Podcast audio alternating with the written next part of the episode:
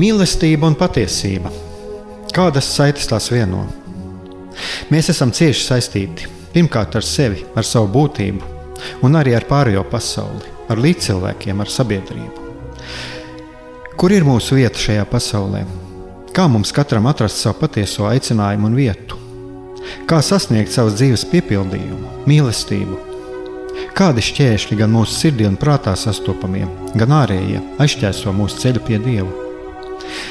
Šie jautājumi ir mūsu dzīves sastāvdaļa, svarīgi mūsu ceļā uz svētumu. Meklēsim šajā raidījumā kopā atbildes uz šiem jautājumiem. Ieklausīsimies, ko Dievs mums vēlas pateikt ar visu, ko sastopam savā dzīvē. Lai mūsu sirds un prāti atveras mīlestībai un patiesībai. Raidījums mīliet cits citu.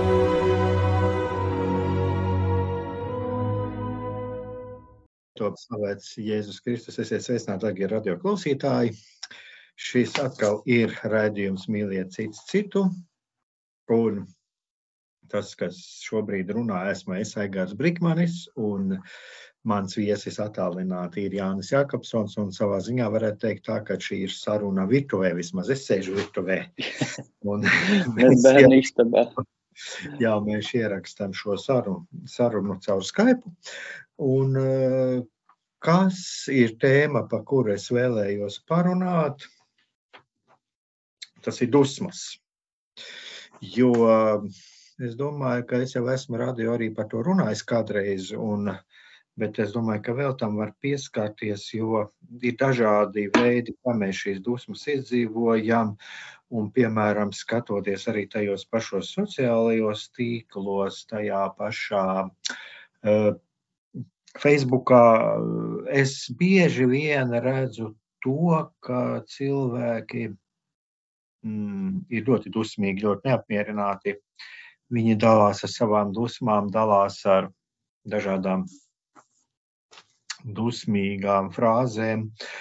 Un, protams, ka no vienas puses ir pat labi, ja cilvēks izsaka savas dusmas un kā viņš jūtās, bet nu, kaut kur atsevišķos brīžos es tiešām jūtu, ka tas ir ieildzis. Uh, Tas, tā ir tā viena puse, kas ir saistīts ar dusmām, un otrs ir dusmas. Es viņas pat savā veidā klasificētu tā. Ir tās personīgās dusmas, personīgi man ir nodarīts pāri. Un tāda arī ir šīs taisnīgās dusmas par to pasaules netaisnību. Par to, kas notiek apkārt. Un sevišķi to mēs redzam arī pēc, pēc kara Ukrainā,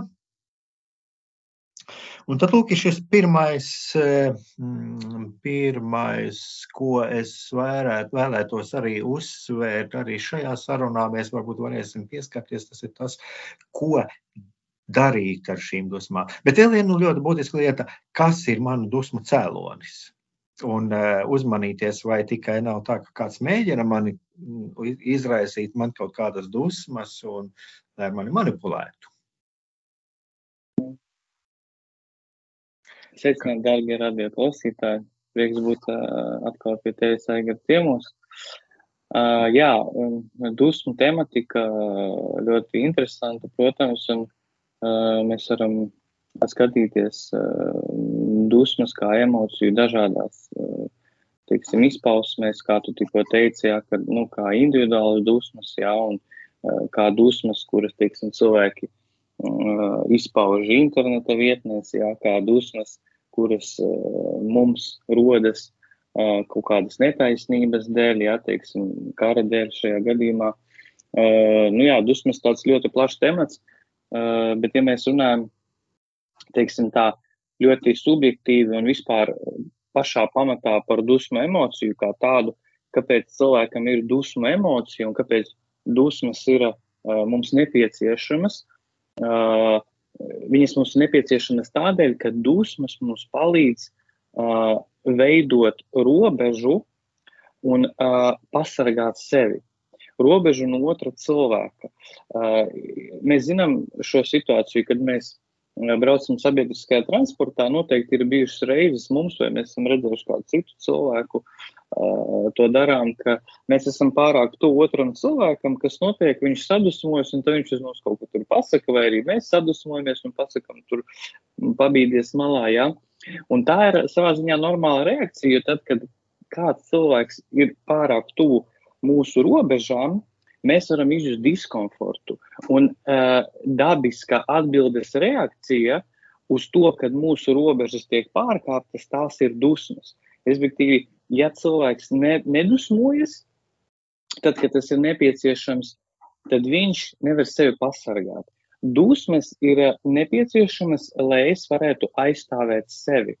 Un, ja cilvēks baidās izpaust dusmas, tajās situācijās, kur ir viņas jāizpauž, ja viņš uh, varbūt nezinu, uh, jūt, ka viņš tādā veidā kādu aizvainos, jā, uh, teiksim, nu, dusmas kā emocija ir sveša priekš cilvēka izpausmes, tad, uh, nu, tas var vienkārši rezultēties tanī, ka citi cilvēki mums dara pāri, viņi pārkāp mūsu robežas, viņi pārāk iejaucas mūsu, teiksim, uh, kaut kādā intīmajā zonā, jā, mūsu privātajā dzīvē, un mēs ar to nevaram darīt neko. Līdz ar to beigās mēs ciešam, mēs uh, emocionāli sevi apspiežam, un bieži vien tas ir arī iemesls, kādēļ cilvēkam var rasties uh, paaugstināta trauksme vai arī sākt izpausties neiroze, jo cilvēks, viņš tā kā apslēp savas dusmas, viņš iztumj savas dusmas. Pieņemsim, kāds uh, dievbijīgs cilvēks, viņš uh, labs cilvēks, praktizē garīgo dzīvi, bet viņam, diemžēl, nav šīs te, uh, attīstītas šīs spējas uh, veselīgi izpaust dusmas. Un, un ir cilvēki, kas šādu cilvēku gribēs izmantot, uh, viņam darīt pāri emocionāli, jā, un, un ja cilvēks nespēja sevi emocionāli aizsargāt, izpauž šīs dusmas, neapmierinātību, tad viņš cietīs. Mhm. Kaut kādā brīdī jau arī ir jāpasaka, jās, jās, nu, es teiktu, tā ir arī jāpasaka kāds stingrs vārds. Un, eh, un es eh, varu atkal tādu atsaukties uz kādu man pašām piedzīvotu sarunu, ja, kur es runāju arī par to, ka mums jau patiesībā ir ļoti daudz apkārt ir cilvēku, ļoti pieklājīgu, šķietami laimīgu, mierīgu, bet patiesībā kuri ir sirds dziļumos, ir eh, ļoti nelaimīgi, jo viņi, mm, viņi neizdusmojās, viņi neizsaka to, kas viņos ir, kas, kas viņus kaitina, kas viņiem sāp, un līdz ar to viņi noliedz kaut ko ļoti būtisku sev no savas būtības, apspiež sevī kaut kādu ļoti būtisku, svarīgu sevis, sevis daļu, un patiesībā viņi vairs nedzīvo savu dzīvi. Un arī, kā tu mhm. minēji, viņi jau. Un pamatā jau arī atrod pieeju dažādi manipulatori un varmā, kas un izmantotāji jau arī atrod. Un cik es zinu no savas pieredzes, diezgan ātri atrod pieeju šādām situācijām. Un cilvēks vairs vienkārši nedzīvo savu dzīvi. Jā.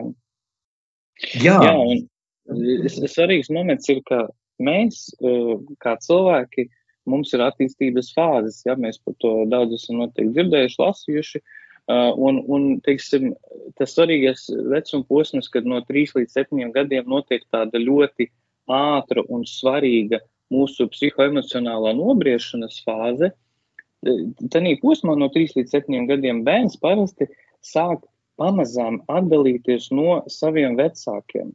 Un tā atdalīšanās notiek tādā veidā, ka bērns sāk izpaust plašu spektru emociju.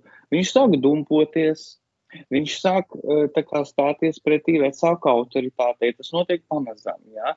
Viņš sāk pamazām devolvēt savus vecākus. Un, kā, no vienas puses viņš viņus idealizē, kā pārnāk tētis mājās, oi, mans tētis mīlēs mamīti, bet no otras puses tas bērns, viņš e, vecākus bieži vien pavelk uz kaut kādu provokāciju. Viņš pārbauda robežas, viņš testē, cik daudz vecāki atļauj, cik neatļauj, ko darīt. Ja? Un bērns bieži vien, viņš šajā vecuma posmā no 3 līdz 7, viņš sāk izpaust dusmas. Un ja vecāki nespēja nolasīt, ka ir brīži, kad tam bērnam tās dusmas ir jāļauj izpaust, un kad tam bērnam ir jāmāk izdusmoties, un ka viņš var dusmoties negrēkojot, ka viņš var dusmoties kā izpaužot dabisku emociju. Ja šīs dusmas tiek apslāpētas, tad bērns iemācās tādu vēstījumu, ka dusmoties ir slikti. Un, ja runa iet par dusmām, tad, tad tas ir kaut kas, kas ir tabū. Un, un ja mēs uzaugam tādā paradigmā, ja mēs uzaugam tādā, teiksim, attiecību modelī, tad tas tālāk ietekmē mūsu dzīvi, ka tad, kad mēs kļūstam pieauguši, mēs kaut vai tik banāls piemērs, mēs nevaram paprasīt lielāku algu savam darba vadītājam. Kāpēc? Tāpēc, ka mēs baidāmies, ka viņš dusmosies, un mēs darīsim visu, lai uh, izvairītos no satikšanās ar jebkādām dusmām. Mēs negribēsim nekādu konfrontāciju. Tur, kur ies runa par dusmām vai kāds uz mums dusmosies, mēs no tā izvairīsimies. Un tādā veidā mēs, nu, diemžēl, darīsim sev emocionāli pāri. Mhm. Jā, nu, manuprāt, arī to var saukt tādu par sevis būtiskas, kaut kā sevī būtiska noliegumu. Jā. Jā. Mm, tas tāds ieskats eh, par to, kā veidojas mūsu attieksme pret dusmām. Un, mm, jā, ir arī piedzīvots tas, ka arī kristiešu vidē bieži vien dusmas tiek uzskatītas par grēku. Un tas ir tāds kļūdains pieņēmums. Nevis dusmas tiek uzskatīts par grēku, bet grēks sākas, sākas tajā brīdī, kad mēs eh, šīs dusmas neizmantojam tā, kā tās vajadzētu izmantot, kā tu arī teici par šo robežu, robežu nospraušanu, bet ka mēs sākam šīs dusmas sevī kaut kādā veidā apzināti apzināti kultivēt. Bet es arī negribētu varbūt tik daudz runāt par grēku, jo man šķiet, ka arī daudzas lietas, ko mēs objektīvi redzam kā grēku, par to mums ir jārunā un par to mums ir jārunā kādreiz arī jāsaka cilvēkam, bet, bet pašu vērtējumu ir jāatstāj Dieva ziņā, jo Dievs zina, tikai Dievs zina, kas kas patiesībā notiek. Ja? Bet, jā, bet arī neklusēt, arī neklusēt un, un arī kādā brīdī cilvēkam pateikt, ka es dusmojos, un kad es uz viņu dusmojos, pateikt to cilvēkam, otram, piedod, bet tu esi pārkāpis kaut ko, kaut kādas robežas, un es esmu dusmīgs. Un, eh, jā, un es domāju, arī dusmīgiem cilvēkam arī kādreiz vajag pateikt kaut vai to, ka, nu, kas, kurš turās pie šīm dusmām, ko ar tām dusmām darīt, ka viņš nodara sev -hmm. pāri un arī apkārtējiem. Un, lūk, un tas ir tas tā tēma, par ko es arī šodien gribēju, gribēju runāt un ko es eh, redzu gan šajā interneta telpā, gan, gan arī kādreiz saskarsmē ar cilvēkiem. Šīs dusmas. Un, un tad lūk, ir šis jautājums, eh, ko cilvēkam darīt tām, kurš ir ļoti dusmīgs eh, šeit un tagad. Tu jau minēji vienu lietu. Man ir nodarīts pāri. Mhm. Un eh, vai man dara pāri, un tad arī to pateikt šim pāri darītājam. Jā, nu, atsevišķi gadījumi arī, kad es vienkārši ir eh, pateikt, eh, nepietiek, bet ir vajadzīgs arī šīs attiecības vispār pārtraukt. Jā. Bet tā ir kaut kāda, tā ir kaut kāda rīcība, kaut kāda rīcība, ko es varu, kur, kur man ir iespēja, kur manas aizsniedzamības robežā ir lūk šī mana iespēja rīkoties.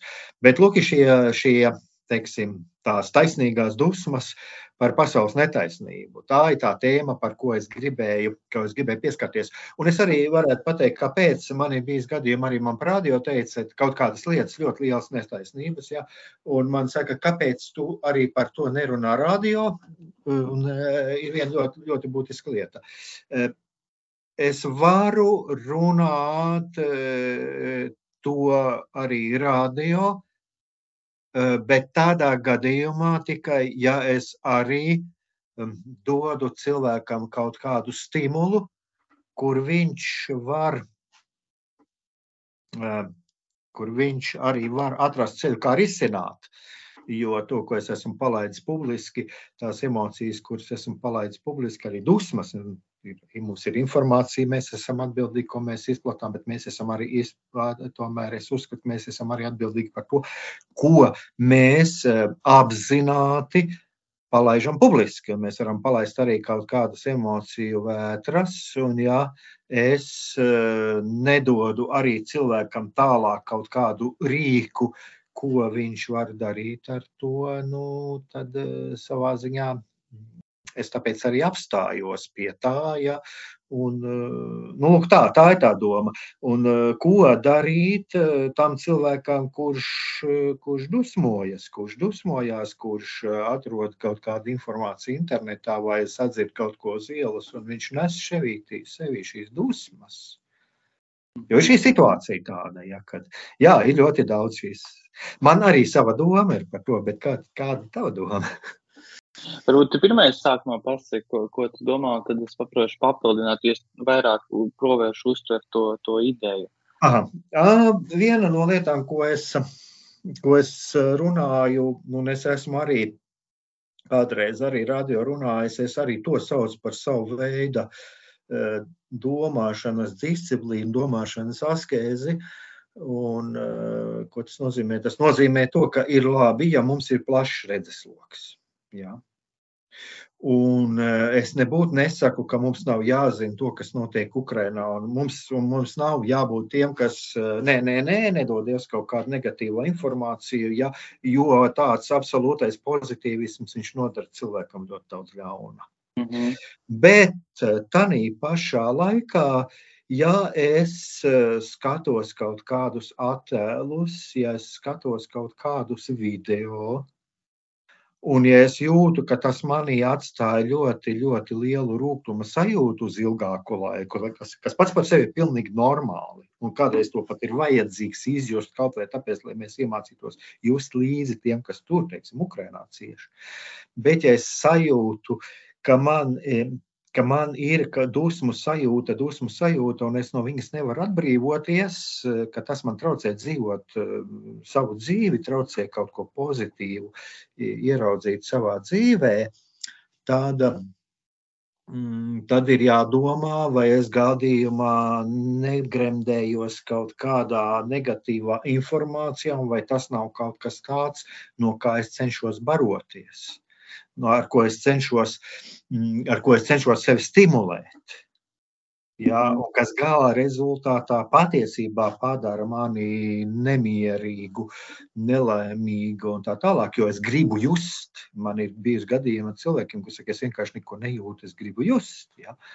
Un, eh, lūk, un, eh, bet šīs sajūtas, viņas ir uh, jā, viņas kaut ko stimulē, var iedot mums kaut kādu enerģiju, bet viņas ar laiku patiesībā mūs paņem laiku, patēri mūsu enerģiju, jo mēs neieraugām iespējas. Un tāpēc šī doma askēze, ja es jūtu, ka kaut kas man, mani padara nevis es nejūtos stiprāks, gudrāks, vai man nesniedz atbildi, ko darīt šajā situācijā. Uh, tad eh, varbūt izvēlēties, tomēr paskatīties, nu, labāk neskatīties kaut kādus video vai attēlus. Jo es varu pateikt pats no savas pieredzes, ja, kad es arī sekoju līdzi tam, kas notiek pasaulē, tam, kas notiek Ukrajinā un tā tālāk. Ja, bet es tomēr cenšos paskatīties, es jūtu, mēs esam pilnīgi visi normāli cilvēki. Pat es, jā, nu, teiksim, es esmu saskāries ar diezgan skarbu informāciju, jā, bet, uh, nu, ko man tas dos? Es šiem cilvēkiem nevarēšu palīdzēt, jā, nu tā. Mhm. Jā, es domāju, ka uh, tas, tas, par ko tu runā, tas ļoti svarīgi un tas ir uh, ļoti, ļoti tāds Svarīgs moments šobrīd mūsu tādā laika posmā, kurā mēs dzīvojam un atrodamies, jo uh, nu, mēs zinām, ka internets, sociālā tīkla ir tāda tā kā neatņemama jau ikdienas mūsu dzīves daļa. Un, un uh, jā, manuprāt, tas, kā tu teici, ja tā doma askēze, un es to nosauktu varbūt par tādu tīri emocionālām rūpēm par sevi, ir labi, ka mēs pirmkārt, pirmkārt ka mēs mācāmies būt kontaktā ar sevi. Un šeit runa neiet tikai par to, ka tas ir kaut kāds tāds, tāds uh, populārs psiholoģijas teiciens, ja tur būt kontaktā ar sevi. Bet mums, kā kristiešiem, kā Dieva bērniem, mums ir jābūt kontaktā ar sevi, lai mēs varētu būt kontaktā ar Dievu.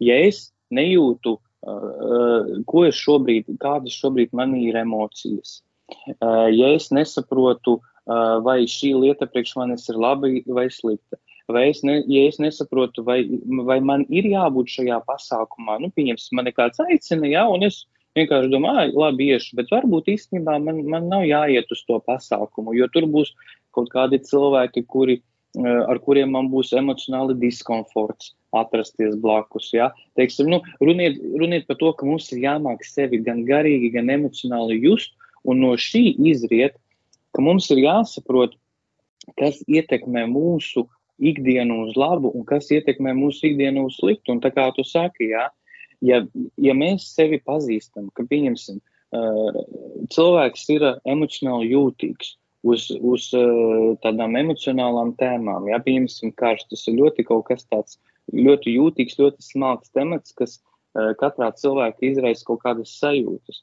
Un ja es zinu, ka es emocionāli reaģēju uz kaut kādām ziņām, uz kaut kādiem notikumiem, tad varbūt man ir vērts domāt, eh, cik es sev dodu to laika robežu limitu, cik es skatīšos tās ziņas.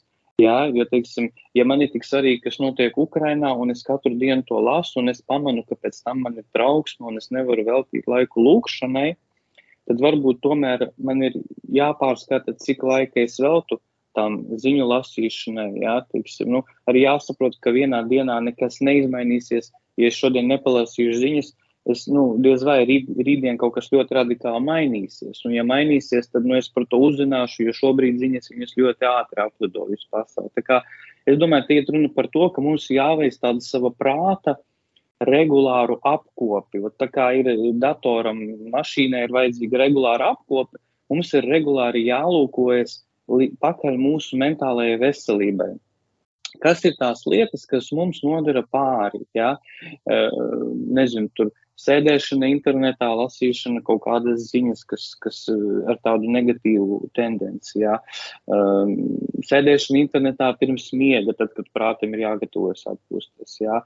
Nezinu, uh, kaut kāds attiecības kontakts ar cilvēku, kurus jūtu, ka tā komunikācija manī atstāja vēlāk tādu smagu, tādu nosēdumu, ja, ka tā komunikācija varbūt ir nedaudz, nu, arī, teiksim, lietosim populāro vārdu toksiska. Ja? ja es jūtu, ka man ar kādu ir attiecības un man pēc komunikācijas ar šo cilvēku ir smagi, tad varbūt man ir vērts aizdomāties, kāpēc tas notiek, ja? un ko es varu darīt, lai es nejustos smagi, ja, teiksim. Tā, tā ir runa par tādu regulāru savas mentālās veselības apkopi. Un kā mēs varam viņu veikt? Mēs varam vienkārši palūkoties, kur mēs mūsu ikdienā veltam mūsu enerģiju kur mēs veltam mūsu intereses un spēkus. Es uh, varu padalīties pēdējās trīs dienas. Es, uh, es kaut kā diezgan apzināti nolēmu, ka es uh, sēdēšu mazāk internetā. Es mazāk skatīšos tās ziņas, to Facebook, skrološu mazāk. Un vairāk vienkārši veltīšu laiku, var teikt, nekā nedarīšanai. Nu, tā kā labāk es skatīšos vienkārši vakarā noguris uz pliku sienu, jā, un, un veltīšu laiku kādai vienkāršai sarunai ar Dievu lūkšanai, vai palasīšu kādu grāmatu, kur tiešām ir, es zinu, noderīga informācija priekš manis. Nekā es skroļošu internetu un zinu, un trīs dienu laikā es jau jūtu diezgan tādu uh, jūtamu emocionālu pieplūdumu, ka man, manī vairāk parādās emocionālais spēks, jo mana uzmanība netiek izkaisīta uz visādām nebūtiskām lietām. Jo mēs mūsu Facebook lentē redzam visu, ko jā, tur mēs redzam gan kaut kas par ticību, tad tur kaut kāds ēdienas izlietas, jā, tad tur kaut kāds uh, krievu okupants kaut ko tur ieliek, jā. Un tad, nu, kā, tad mūsu prātā veidojas arī tāda savā ziņā kā uh, miskaste, jā. Tāpēc, Tas diezgan liels kaoss. Jā, jā ja informācijas pārbagātība traucē pat ieraudzīt to būtiskāko. Tas ir tāpat kā lūkšana laikā, kad ja mēs, nu, mums ir, piemēram, mēs dalāmies pa lūkšanu augļiem, mums ir gan, teiksim, šūniņā, kur mēs šovakar tikko beidzās, jā, pirms kādu laiku, vai vai arī kristīgā dzīves kopienā tur ir ļoti svarīgi arī ievērot šo laiku, tad mēs varam koncentrēties uz to pašu būtiskāko, kur mūsu Dievs uzrunā. Es gan arī vēlētos atkal klausītājiem atgādināt, ka šeit mēs neaicinām būt neinformētiem. Un, jā, ir, es domāju, ka pat ir mums ir svarīgi zināt par to, kas notiek pasaulē, jo tā ir arī mācība mūsu sabiedrībai, tā ir mācība arī Latvijai un, un, un, un tā tālāk. Un mums arī jā, jāzina, ka jā, mums pat ir arī jāzina, ka notiek tāda un tāda nozieguma un tā tālāk. Jā. Bet šeit ir tā lieta, kur es uh, saskatu tādu lietu, ir arī Es esmu lasījis par to šo konceptu. Nu, ir daži, kas noliedz žurnālistikā, ka teiksim, slikta ziņa skaitās laba ziņa, jo to vairāk lasīs. Bet nu, tomēr ir kaut kā tā, ka cilvēki mēģina sevi kurināt ar kaut kādām šīm negatīvajām lietām. Ja. Un tad ir lūk, šis jautājums, tāpat kā savā laikā Svētais Ignācijas, kad viņš domāja par uh, šiem laicīgajiem varoņdarbiem, lai tur patiktu dāmai, ja, un kad domāja par šīm garīgajām lietām, viņš pēkšņi izšķīra, kas viņam atstāja paliekošu mierinājumu un, un, un kas ir, kas kas atstāja tukšumu. Es domāju, ka lūk, šeit arī tāda ļoti laba izvērtē. Jo pēc būtības jau tas, ko mūsu Dievs aicina Mūsu Dievs aicina tajā tajā, ko tu sauc par šo, ir vajadzīgi, kā teiksim, tā, ko tu nosauc arī par šo nekā nedarīšanu un skatīšanos sienā. Mēs bieži vien tas ir tas, kad mēs varam sadzirdēt, ko mūsu Dievs aicina. Un, un vēl viena lieta ir arī, ko es kādreiz cilvēkiem saku, kad nebaidīties no tā, kad viņš nejūt atbildi, no atbildi uz lūkšanām uzreiz, ja, un arī nebaidīties arī no tā nejušanas ka cilvēki mēģina kaut ko sevi stimulēt, ka viņi nejūt, bet izdzīvot arī šo nejušanu un arī tur kaut ko Dievs pateiks. Ja, -hmm. Bet tas nekādā ziņā, tas, ko mēs runājam, tas nav to, ka nē, nē, nē tagad izslēgsim. Nē, ir ļoti labi, ja cilvēki ir informēti un, un viņi tas uh, tikai cilvēkam paplašina redzesloku. Ja, bet jautājums ir par to, ja, vai šīs lietas. Um, netraucēja man ieraudzīt to, uz ko patiesībā Dievs man aicina dzīvē. Un, kā tu teici, milzīgi daudz informācijas, un cilvēks meklē jaunus un jaunus stimulus un mm. informāciju, kamēr beigās viņam ir liels hauss. Un, un cilvēks, ja viņš nav saņēmis to, ko viņam Dievs vēlās iedot, viņš jūtās nelaimīgs, nemierīgs, un bieži vien viņš nezina, kāpēc. Jā, un uh, vēl tāds interesants, svarīgs moments, ka uh, interneta telpa kā tāda, uh, viņa ir tāda uh, telpa, kur ir projekciju, mūsu projekciju objekts. Es domāju, tā ir vieta, kur mēs kaut kādu mūsu iekšējo pasaules redzējumu, mūsu kaut kādu iekšējo nepilnību, kaut, kā, kaut ko, kas mūsos mums rada nemieru, neapmierinātību, mēs to pārnesam uz to interneta vietu. Nu, pieņemsim, uh, mēs redzam kāda cilvēka bildi, ja, un tur, tur vienkārši ir nu, parasts cilvēks, kas, kas ielicis kaut kādu selfiju ar sevi, ja, tur nobildējis sevi. Bet mēs uh, varam skatīties un domāt, ah, viņam kaut kas tur, tur ne tā, viņš tur kaut kāds resns, ja tur viņam vēl kaut kas, ja. Un tādā veidā mēs kaut ko savu, kaut kādu savu iekšējo neapmierinātību pārnesam uz to, ot, uz, uz to pasauli, ko mēs redzam tur. Un iedomāsimies, ka katrs tagad savas iekšējās kaut kādas pieredzes, savu pasaules redzējumu izgāž tur, jā, un tad sanāk, mēs lasām bieži vien to, kas, ārā, kas nāk ārā kā rezultāts, kā cilvēku defekti. Nu, cilvēki izgāž vienkārši savu iekšējo materiālu. Īstenībā, e, bieži vien lasot kaut kādus tādus, tādus platformas Facebookā, kā piemēram Latvijas pirmā, Latvijas pirmā televīzija, viņiem tur ir tos savus Facebook accounts, ja, un tur kāds, teiksim, Latvijas televīzija ieliek kaut kādu ziņu materiālu, kaut kāds tur fragments trīs minūtes, ja, un tad tur cilvēki raksta komentārus, un dažreiz iet palasīt, var tādas lietas izlasīt, ja, un pilnīgi parādās uzreiz tāds priekšstats apmēram, nu, ar ko tas cilvēks dzīvo. Ja, ja viņš kaut ko tādu izgāž, kas tur vispār notiek viņa prātā un kā izskatās viņa dzīve. Un bieži vien cilvēks nesaprot, ka viņš ar savu to teikto, ka viņš nedomā, ko viņš tur pasaka. Viņš īstenībā parāda savu iekšējo materiālu, kas, kas cilvēkā notiek. Un mūsu e, tā bīstamība ir, ka mēs varam tādā virpulī ielidot iekšā un lasīt cilvēku iekšējās, nu, psiholoģiskās problēmas, ikdienas grūtības, nomāktību un domāt, ka tā ir kaut kāda svarīga priekš mums informācija. Jā, kaut gan mēs lasām tikai to, ko, ko cilvēki vienkārši izgāž ārā. Te mēs varam atkal runāt par to, ka tas mums arī traucē. Tā, jā, nu, tas ierobežo arī mūsu redzesloku un redzējumu plašāk skatīties. Lai gan es atzīšos, es kādreiz arī palasu tā savā ziņā tā diezgan lielu interesi, jā, jo kaut kur daļēji var, redzēt, kas, kas, kas cilvēkos notiek. Jā, jā, jā tas, tas dažreiz tas ir nepieciešams. Jā. jā. Tā kā, vismaz es jūtu, ka man arī tas ir nepieciešams, jo nu, ir, ir arī svarīgi, svarīgi, svarīgi redzēt, kas, kas notiek. Jā, nu, un tad tālākais, tā ir tāda ko, doma, ko es jau arī, arī gribēju pateikt, un arī es domāju, ka tev arī būs ko pateikt vēl tagad. Jā, mums vēl ir kāds laiciņš. Mm, nu, tātad, ko darīt? Jā, nu, mēs, zinām, mēs zinām, ka notiek kaut kas pasaulē, un tā, un tad es tā īsos vārdos varu pateikt, viens, ko es arī parasti iesaku. Jā. Nu, cilvēkam ir dabīga, dabīga reakcija uz to, kas notiek, un tad viens ir paskatīties, izvērtēt, ko es šajā situācijā varu darīt un ko es nevaru darīt. Ja, ko es nevaru darīt un ko es nevaru mainīt. Nu, mēs jau katrā ziņā nevaram izmainīt pasauli, uh, mainīt pasauli, un uh, es nevaru pats personīgi pārtraukt karu vai panākt Ukrainas uzvaru, ja, ja, lai, lai kā es to gribētu. Ja. Tātad izvērtēt, ko es varu, ko nevaru, pieņemt, ka mūsu iespējas ir ierobežotas un, un, un darīt tik, cik es varu. Jā. Tā. Un, eh, jā, un tie daži gadījumi ir, ka mūsu iespējas ir, ir, ir ierobežotas, un to, kas ir aiz mūsu robežām, nu, to atstāt Dieva ziņā.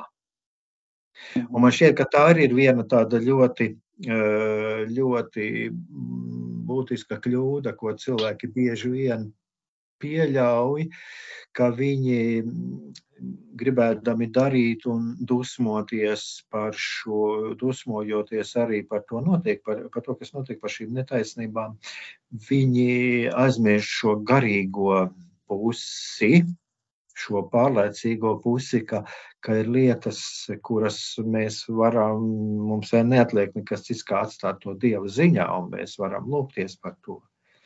Un uh, tas, kad arī šī apziņa, ja šeit ir robeža, šeit ir mana robeža, mana iespēja robeža, bet tālāk es ļauju, lai darbojās Dievs, un es varu Dievam palīdzēt ar savām lūgšanām. Un, uh, tā var arī dot ļoti, ļoti, ļoti, ļoti lielu mierinājumu.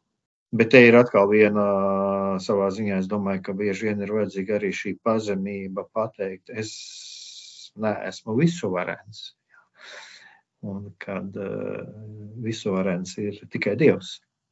Bet tad, kad mēs to apzināmies, kad mēs atlaižam to, ko mēs nevaram nest un kas nav mūsu kompetencēs, mūsu iespēju robežās, eh, un kad mēs to dodam Dieva ziņā, es domāju, ka tas arī ir eh, ļoti, ļoti lielu mieru, un atvieglojumu dod.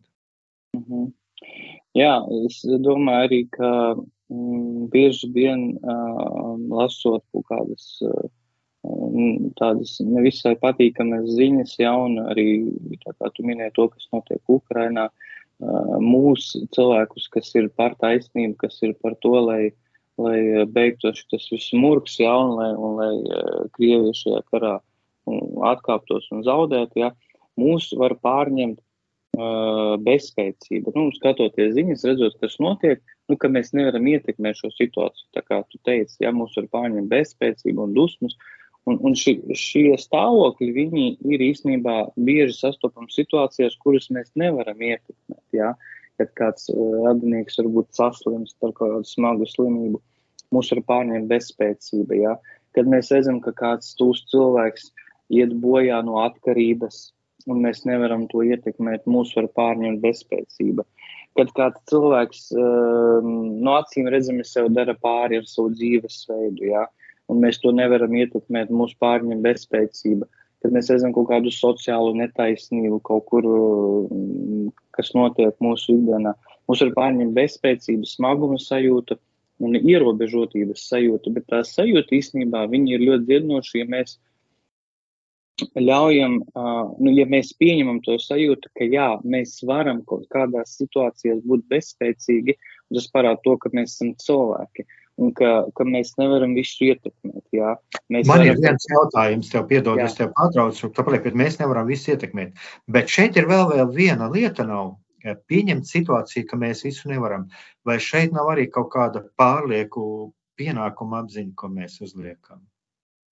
Nu, jā, jā, tas, tas, tas arī var, varbūt nāk tā, no, no tāda, ka, nu, ja mēs iedomājamies, ka, mēs, ka mums obligāti kaut ko ir jāietekmē, jau ka mums ir pienākums kaut kādā situācijā iesaistīties, tas, tas var izrietēt tīri no mūsu audzināšanas, kā tādas no mūsu temperamenta, jā, ka mums vienmēr un visur ir jārada risinājums, jā, bet jo mēs vairāk ieraugam un piedzīvojam situācijas, kur mēs esam bezspēcīgi, kur mēs esam ierobežoti, jo vairāk mēs izjūtam to, ka mēs esam cilvēki. Un tas ir tas brīdis, kurā mēs varam savu, teiksim tā, ierobežoto cilvēcību atdot Dievam. Tas ir brīži, kuros mēs varam augt mūsu garīgajā dzīvē, ka mēs varam pateikt, Dievs, man ir rokas par īsu, un tagad es atdodu tev šo situāciju. Un es pateicos tev, ka es esmu ierobežots cilvēks, uh, un ka tu man māci ar šo situāciju paļauties uz tevi. Šī situācija parāda to, ka es esmu cilvēks, un man ir ļoti liela ierobežojuma. Es esmu mirstīgs, es varu saslimt, es varu kaut ko nesaprast, es varu kādam nepalīdzēt, es varu kaut ko sajaukt, es varu kļūdīties. Es esmu ļoti ierobežots cilvēks. Un, un tā ir vieta izaugsmē piedzīvot to, ka es neesmu tagad, tagad jau, es tagad, es tagad obligāti imitēšu Svēto Antoniju no Padujas, es būšu kā viņš, bet viņš arī bija ierobežots. Un, un es domāju, ka tādi cilvēki kā svētie, bieži vien viņi tiešām arī bija tie, kas ļoti apzinājās savu cilvēcību, cik ļoti viņiem ir daudz dažādu defektu. Ja? Un tajos brīžos ienāca viņu, viņu dzīvē dieva spēks, ja? un, un sāka parādīties Dieva, dieva varenība. Mhm. Dieva spēks ienāca viņa dzīvē. Jā, tā tad atkal šeit ir jautājums par pienākuma apziņu. Tā ir ļoti laba lieta, tā ir brīnišķīga dāvana.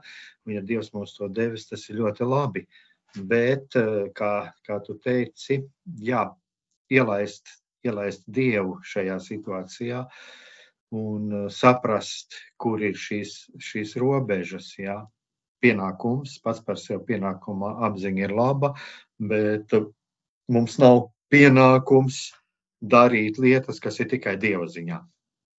Jā, un es vēl ātri piemetināšu, kamēr mums vēl dažas minūtes, eh, dažreiz es esmu sastapies ar tādu situāciju, kur cilvēks it kā viņš, piemēram, cīnās par kaut kādu taisnību, jā, un par tiešām situāciju, kur, nu, kur ir diezgan objektīvi, ka viņš, teiksim, varbūt dusmojās, vai viņš aizstāv kādu, vai viņš cīnās par taisnību kā tādu, ja kaut kur ir kaut kāda netaisnība, tad viņš tur ļoti iesaistās kaut kādā debatē. Tad, tad, tad pašā internetā mēs bieži redzam, ka tur notiek strīdi, ja un tur viens pierāda savu taisnību, otrs savu.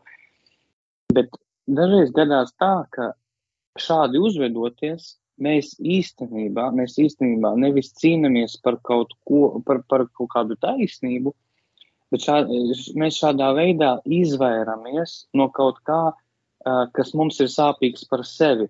Nu, pieņemsim, ja es apzinos, ka man ir pašam neatrisināta dzīve, ka man ir daudz jautājumu, uz kuriem man nav atbilžu, un es ikdienā esmu diezgan neapmierināts uh, ar to, kā izskatās mana dzīve, tad ir vieglāk labot un risināt otra cilvēka dzīvi, nevis uzdot sev jautājumu, kāpēc es esmu tik neapmierināts. Kāpēc man tik ļoti gribās iesaistīties kaut kādā strīdā, strīdos, uh, kaut, kaut ko tur, nu, eh, vienmēr sakot, uh, būt kaut kādā uh, tādā ažiotāžā, ja kaut kādā sensācijā. Priekš kā es to visu meklēju? Vai nav tā, ka tas manā dzīvē ir vēl viens veids, kā es sev radu tādu, angliski ir tāds vārds distraction, ja, kad es novirzos no būtiskā. Varbūt īstenībā mana šī baigā vēlme kaut kur sevi uz āru izlikt, kaut kur izsināt, būt par šīs taisnības aizstāvēju, ir nekas cits kā vienkārši veids, kā es izvairos, palūkoties, kas manā dzīvē notiek. Varbūt man ir, nu, tā kā jāpaskatās, ar ko man pašam ir jāpacīnās. Jā, tā kā pameklēt savus mošķus. Mm. Jā, nu tad ar to arī būs jānoslēdz mūsu saruna. Un es ticu, ka mēs, eh, mēs vēl tiksimies un, un mums vēl būs daudz ko pārunāt. Un ko es vēlētos, vēlētos eh, novēlēt klausītājiem? Jā, eh, pirm, pirmkārt, jā, ieraudzīt savus mošķus, ar kuriem mums jātiek galā. Ja? Nākamais ir saprast, ka dusmas tā ir, eh, es to saucu par tādu instrumentu, ko Dievs mums devis, lai mēs sevi pasargātu, bet ļoti svarīgi, lai dusmas, lai mēs būtu dusmu semnieki, nevis dusmas valdītu pār mums.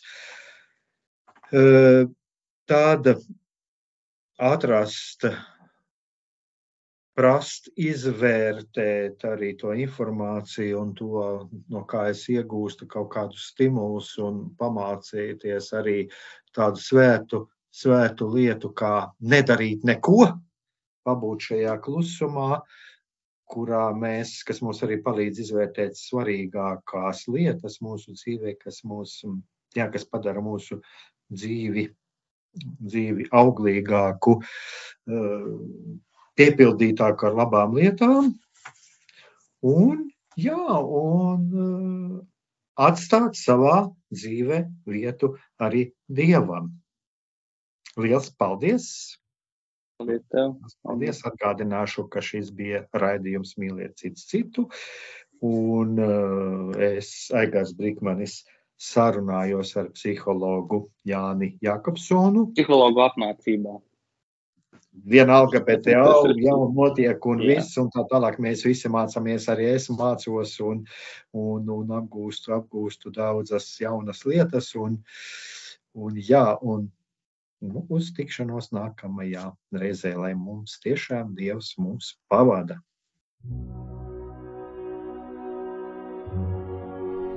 Mīlestība un patiesība. Kādas saites tās vieno? Mēs esam cieši saistīti Pirmkārt ar sevi, ar savu būtību, un arī ar pārējo pasauli, ar līdzcilvēkiem, ar sabiedrību. Kur ir mūsu vieta šajā pasaulē? Kā mums katram atrast savu patieso aicinājumu un vietu? Kā sasniegt savas dzīves piepildījumu, mīlestību? Kādi šķēršļi gan mūsu sirdī un prātā sastopamie, gan ārējie aizķēso mūsu ceļu pie Dieva? Šie jautājumi ir mūsu dzīves sastāvdaļa, svarīgi mūsu ceļā uz svētumu Meklēsim šajā raidījumā kopā atbildes uz šiem jautājumiem. Ieklausīsimies, ko Dievs mums vēlas pateikt ar visu, ko sastopam savā dzīvē. Lai mūsu sirds un prāti atveras mīlestībai un patiesībai. Raidījums mīliet cits citu.